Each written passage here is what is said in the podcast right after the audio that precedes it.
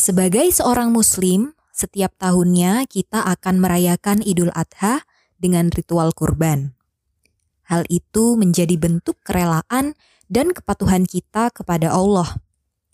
Nah, teman-teman sudah tahu belum bagaimana asal-usul pelaksanaan kurban dalam Islam?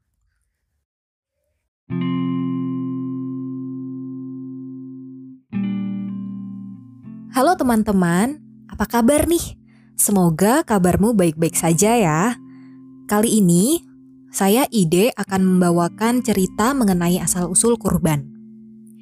Teman-teman, ternyata kurban yang kita lakukan selama ini mencontoh dari hal yang telah dilakukan Nabi Ibrahim loh. Bedanya, kurban yang dilakukan Nabi Ibrahim jauh lebih berat dan menguras perasaan. Bayangkan saja, yang diminta Allah untuk dikorbankan bukannya kambing atau sapi seperti yang kita lakukan saat ini. Ketika itu, Allah meminta Ibrahim untuk mengorbankan Ismail. Pada episode sebelum-sebelumnya, kami telah menceritakan perjuangan Ibrahim dari saat masih di Libanon, merantau ke Palestina, hingga singgah di Mesir dan Mekah. Dalam perjalanannya, Ibrahim telah melewati beragam ujian dari Allah. Ibrahim diuji dengan kesusahan untuk memiliki keturunan. Bahkan diuji lagi dengan menempatkan Ismail si anak tunggal ke daerah asing yang tandus.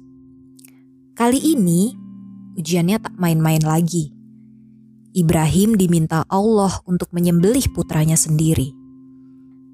Ketika itu, Ismail sudah semakin besar dan telah mampu mengerjakan urusannya dan membantu ayahnya.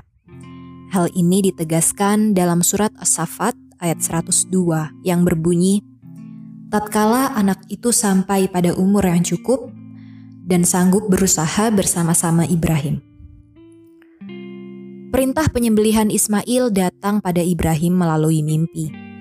Dalam suatu hadis yang diriwayatkan oleh Ibnu Abbas, disebutkan bahwa mimpi para nabi adalah wahyu. Walaupun Nabi Ibrahim menyadari bahwa perintah Allah adalah hal yang harus dilakukan, ia tak langsung serta-merta menyembelih Ismail secara sepihak. Sebelumnya, Ibrahim menanyakan pendapat Ismail mengenai mimpinya itu. Dalam surat As-Safat ayat 102 terekam perbincangan antara Ibrahim dan Ismail. Ibrahim berkata, "Wahai anakku, sesungguhnya aku melihat dalam mimpi bahwa aku menyembelihmu, maka pikirkanlah apa pendapatmu." Putranya yang penyabar itu memberikan jawaban yang membanggakan ayahnya. Wahai ayahku, kerjakanlah apa yang diperintahkan kepadamu. Insya Allah, engkau akan mendapatiku termasuk orang-orang yang sabar. Jawaban tersebut merupakan perwujudan dari ketaatan seorang anak kepada orang tua dan Tuhannya. Maka, dengan penuh kepercayaan dan ketaatan pada Allah, mereka melakukan prosesi kurban di atas bukit di sekitar kota Mekah. Namun, tepat sebelum leher Ismail tersayat alat potong, Allah berfirman pada Ibrahim, "Hai Ibrahim, sungguh engkau telah membenarkan mimpi itu. Sungguh demikianlah kami memberi balasan kepada orang-orang yang berbuat baik. Sesungguhnya ini benar-benar suatu ujian yang nyata." Dan kami tebus anak itu dengan seekor sembelihan yang besar dan kami abadikan untuk Ibrahim pujian di kalangan orang-orang yang datang kemudian. Selamat sejahtera bagi Ibrahim. Demikianlah kami memberi balasan kepada orang-orang yang berbuat baik. Hal ini tercatat dalam surat Asy-Syaffat ayat 104 sampai 110. Lalu Allah menurunkan binatang pengganti Ismail.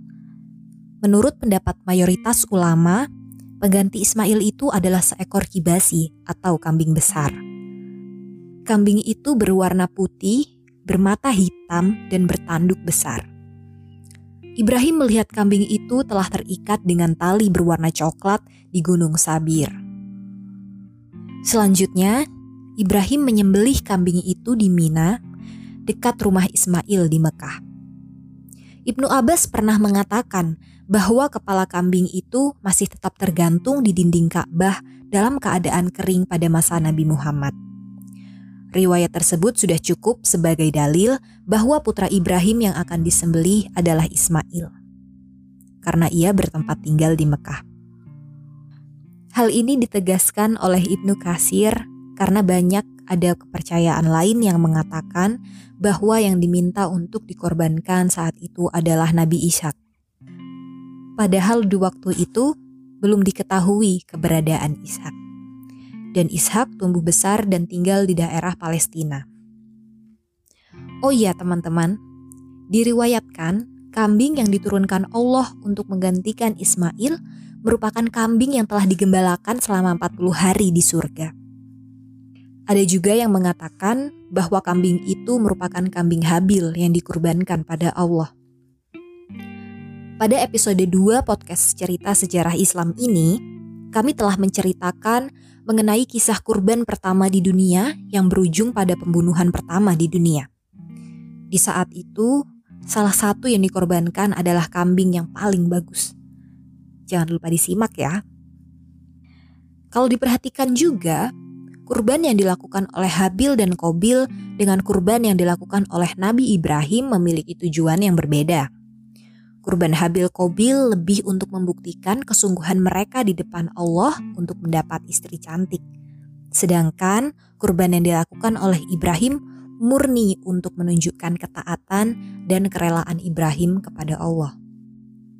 Nah, kurban yang kita lakukan saat ini pada hari raya Idul Adha juga harus layaknya kurban Nabi Ibrahim. Dalam Islam sendiri, menyembelih hewan kurban hukumnya adalah sunnah muakkad. Sunnah muakat berarti ibadah yang dianjurkan dengan penekanan yang kuat atau hampir mendekati wajib. Nabi Muhammad Rasulullah Shallallahu Alaihi Wasallam semasa hidupnya setiap tahun beliau selalu melakukan ibadah kurban. Bahkan sahabat Rasulullah Abu Bakar juga hampir selalu melakukan kurban setiap tahun. Namun, pernah satu tahun Khalifah Abu Bakar tidak menyembeli hewan kurban Idul Adha karena khawatir orang-orang yang tidak berilmu menyangka bahwa kurban adalah wajib. Hal itu mereka lakukan karena mengetahui keutamaan kurban. Demikian kisah kurban pada masa Nabi Ibrahim ini. Semoga kita bisa sama-sama belajar dari kepatuhan Ibrahim dan Ismail kepada Allah Subhanahu wa taala. Yuk kita juga mencoba membiasakan untuk melakukan ibadah kurban. Jika belum bisa dengan satu domba sendiri, bisa dimulai dengan patungan dengan teman-teman untuk membeli satu domba ya. Semoga tahun berikutnya rezekinya cukup untuk membeli satu domba, dan selanjutnya satu sapi, dan selanjutnya bertambah jumlah hewan yang dikurbankan. Sampai jumpa di episode selanjutnya pada podcast cerita sejarah Islam. Wassalamualaikum warahmatullahi wabarakatuh.